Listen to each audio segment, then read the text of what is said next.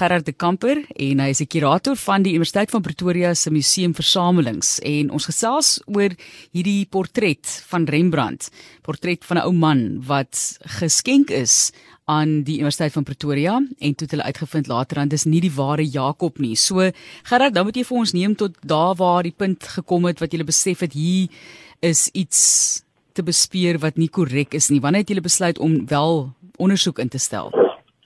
Ah ja, ja, wel, dit het alles eintlik begin oor die jare, jy weet, ehm um, elke persoon wat na kuns kyk, het ons maar hulle eie opinie. Uh weet, het dit maar neergekom dat weet een persoon sê dis 'n Rembrandt, die volgende persoon sê dis nie 'n Rembrandt nie. Weet, en so gaan dit nou van een kant na die ander kant en toe ek en uh, my kollegas besluit wel, dit is nou tyd om om die antwoord te vind. Oh. om uh, en uh, ja, dit ons ons navorsing so begin. Ehm um, julle wil uitsluitsel kry. Dit is waarop dit neerkom want daar was debat, ja. maar nou ek het nou ook al 'n paar dokumentêre gekyk oor en films gekyk byvoorbeeld oor die feit dat sekere skilderye dan nou later uitgevind is is bedrog en dit is nie korrek nie en dit is nie oorspronklik is nie. So voordat ons nou kom by die tegniese en die wetenskap daar agter daar is mense wat veronderstel is om met die oogopslag en bestudering te kan weet. Is dit korrek en moet 'n mens dan nou dit vertrou in die toekoms? Uh wel ons het eintlik 'n 'n drie been ehm uh, manier om, om daarna te kyk. Maar die meeste van die uh van die kunswêreld uh gebruik daai die tegniek om daarna te kyk en te sê dit is so of dit is nie so nie. Deur deur net na die kunstenaar se styl en so aan te kyk ons het natuurlik dis nie altyd genoeg nie, maar ehm um, onthou as 'n as 'n vervalsing 'n baie goeie vervalsing is, uh of 'n baie ou vervalsing soos in hierdie geval, dan ehm um, is dit partykeer baie moeilik vir die kyker, die selfs die die die persoon wat die ehm um, ekspert is daarin om te kan sê dat die werk ehm um, oorspronklik is. Goed, so nou begin ons met hierdie ondersoek wat julle gedoen het. Waar begin 'n mens daar? Ek weet jy sê daar's drie maniere wat julle gebruik om seker te maak. Voordat ons daarby kom, eerstens, vertel gou vir ons net van die portret van 'n ou man, Portrait of an Old Man, Rembrandt en vertel vir ons van hierdie skildery die wat dit nog nie gesien het nie. Wel, die die werk is 'n dis 'n baie klein werkie. Hy is ehm uh, amper ek dink omtrent 30 cm by 20 cm. En uh, Rembrandt het verskeie sulke klein werkies gemaak deur deur sy lewenstyd. Nou, die werk is 'n ou man met 'n met 'n mis op hy, hy, hy in 'n groot jas aan. So, um hy kry natuurlik dit lyk like koud pet. Maar in afval en um hy uh, die die werk self is 'n is 'n portretstudie van 'n van 'n Joodse rabbi. Um daar daar's 'n verskeidenheid ander klein sketsies en so wat hy gedoen het van dieselfde persoon. So, weet dit is 'n uh, onby die werk, maar ja, dit is 'n baie groot werk. Goed. Wie het almal saamgewerk op hierdie ondersoek?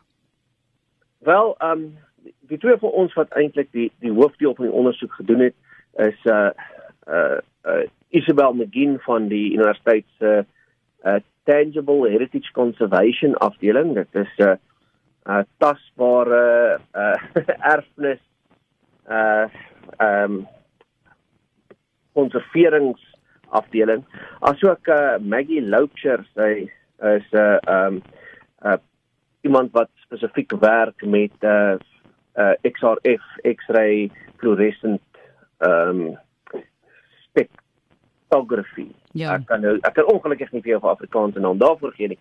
Dan ook is daar 'n paar uh, mense wat ons gehelp het wat ons uitgehelp het van ander plekke. Broeker in in Duitsland uh, maatskappy. Hulle het hulle een van hulle hoof uh, tegnikuste vir ons gestuur. Um uh, Raul Tegel. En dan ook uh, uh die Yale Universiteit het uh, was op 'n stadium hier by ons om van ons studente opleiding te gee en hulle het ons ook uitgehelp Kom ons gesels nou oor die tegnieke. Hoe maak jy wanneer jy wil 100% seker maak dat 'n skildery reg is?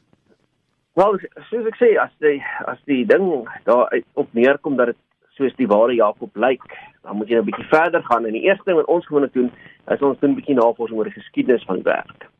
Nou in die geval van die werk kon ons die geskiedenis van die werk terugvat tot 1883.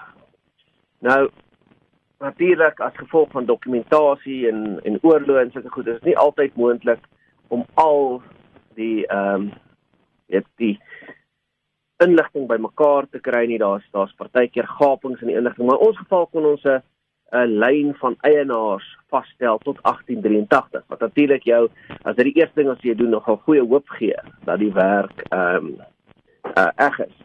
Saam met daai navorsing het ons ook gevind dat in 1899 die werk in Engeland verkoop is en toe hy 'n ehm 'n 'n koopbewys gehad by hom gehad wat weer Rembrandt geteken het. Natuurlik weet dit is ook as jy daai stukkie inlig opstel dan jy hier's nou iets wat wat help. En dan ten minste 3 keer voorheen is die werk deur ouens wat in hulle veld as as ouens beskou word wat iets van Rembrandt al weet, um, bevestig as 'n oorspronklike werk. Uh die groot Nederlandse kunshistorikus uh Hoofstede de Groot het gesê dis een as ook die ou wat beskou word as die vader van van tegniese analise op kunswerke. Aim de Wild het gesê dat dit oorspronklike werk is. Dit is 'n groot verlies eintlik vir julle, né? So en nie net 'n verlies in terme van kultuur nie, ook finansiëel. Hoeveel het julle verloor, as ek dit maar so kan vra? Ja, jy kan nie. Mag ek nie of kan ek nie? Wel, wel, ek ek kan jou nie noodwendig daarop antwoord nie. Ek is, ek kan nie die universiteit se daai tipe goed bespreek nie. Ja, ek verstaan, maar, maar dit was verskriklik geweest het um, om nou terug te gaan en sê ouens, ja, die, hy is hy is nie ehm um, ja, 'n oorspronklike Rembrandt nie. Hoe hoe het julle dit ervaar? Nee, wel, um, met gemengde gevoelens, uh want soos jy aan die begin het ons gedink is een toe ons by die tegniese deel daarvan uitkom toe vind ons nou nuwe goed uit, maar eintlik moet ek sê weet die universiteit self die die mense ehm um, was nie baie omgekrap met ons nie. Ehm um, ek meen die die waarheid is die waarheid, dit is wat dit is. Ehm um, daar is so een of twee van ehm um, die mense wat voorheen artikels oor die werk geskryf het wat ehm um, uh, nie baie gelukkig met ons was nie, maar maar meeste van die mense was baie gelukkig met weet dit wat die navorsing gewys het en want aan die einde is dit ook 'n wen natuurlik vir die universiteit in die mate dat ons 'n sekere hoeveelheid navorsing kon doen ons kon tegniese tegnieke toepas wat nog nooit in Suid-Afrika toegepas is op kunswerke nie so so as dit by dit kom was dit 'n wen vir die universiteit Ek moet sê mens mens hoor gereeld, jy weet, ignorance is bliss, maar op die ouend wil 'n mens mos maar weet, né? Nee? Hoe affekteer dit byvoorbeeld vir jou ook as kurator?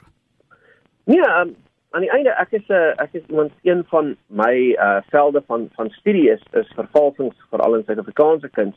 So vir my as 'n uh, as 'n kurator, ek uh, geniet die storie daar agter. Ek ek hou daarvan om om uit te vind, weet, wat is die regte storie?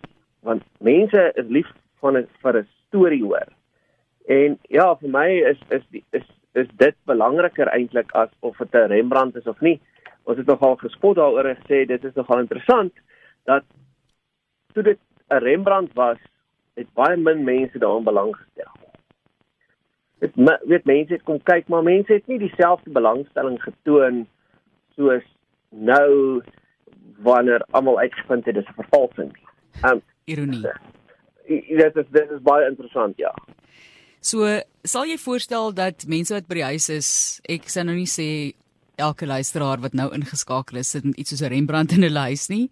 Maar jy weet jy het dalk iets ontvang wat oorgedra is in die generasies in jou lewe, in jou familie. So sal jy voorstel dat mense maar altyd hierdie prosesse deurgaan om seker te maak dat dit wat jy het wel eg en oorspronklik is.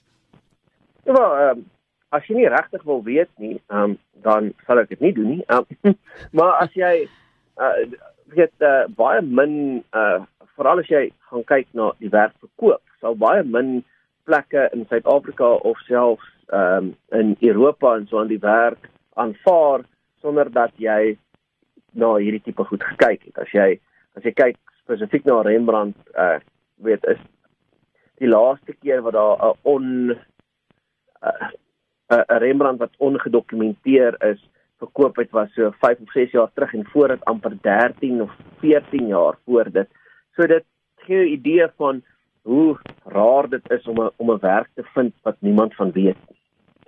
So ehm um, So as jy dit sou wou verkoop, uh dan sou ek definitief voorstel dat jy eers dat iemand daarna kyk. Um maar natuurlik om na die proses te gaan om een van hierdie werke te verkoop, um moet jy die werk oorsee stuur. Ja. Hulle vra jou sekere fooie daarvoor wat ook al en dit is natuurlik 'n ding wat uh wat alreeds 'n klomp geld kos voordat jy nog daarby uitkom om te hoor of jou werk oorspronklik is of nie. Ja, want net nou dink jy dit is jou aftredefonds daai en dan beteken dit eintlik niks finansiëel nie, maar sê vir jou baie dankie. Ons is baie jammer om te hoor op die ou end dat dit toe nou nie die ware Jakob is nie, maar nou weet die mense. Mense sal liewer wil weet dis Gerard de Kamper wat met ons gesels het, die kurator van die Universiteit van Pretoria Museumversamelings en 'n jarelange projek wat bewys het dat 'n skildery wat aan die Universiteit van Pretoria geskenk is as 'n Rembrandt toe nie die ware Jakob was nie. Dankie daarvoor en sterkte met die werk vorentoe en die versamelings wat jy vir ons so mooi na kyk. Baie dankie.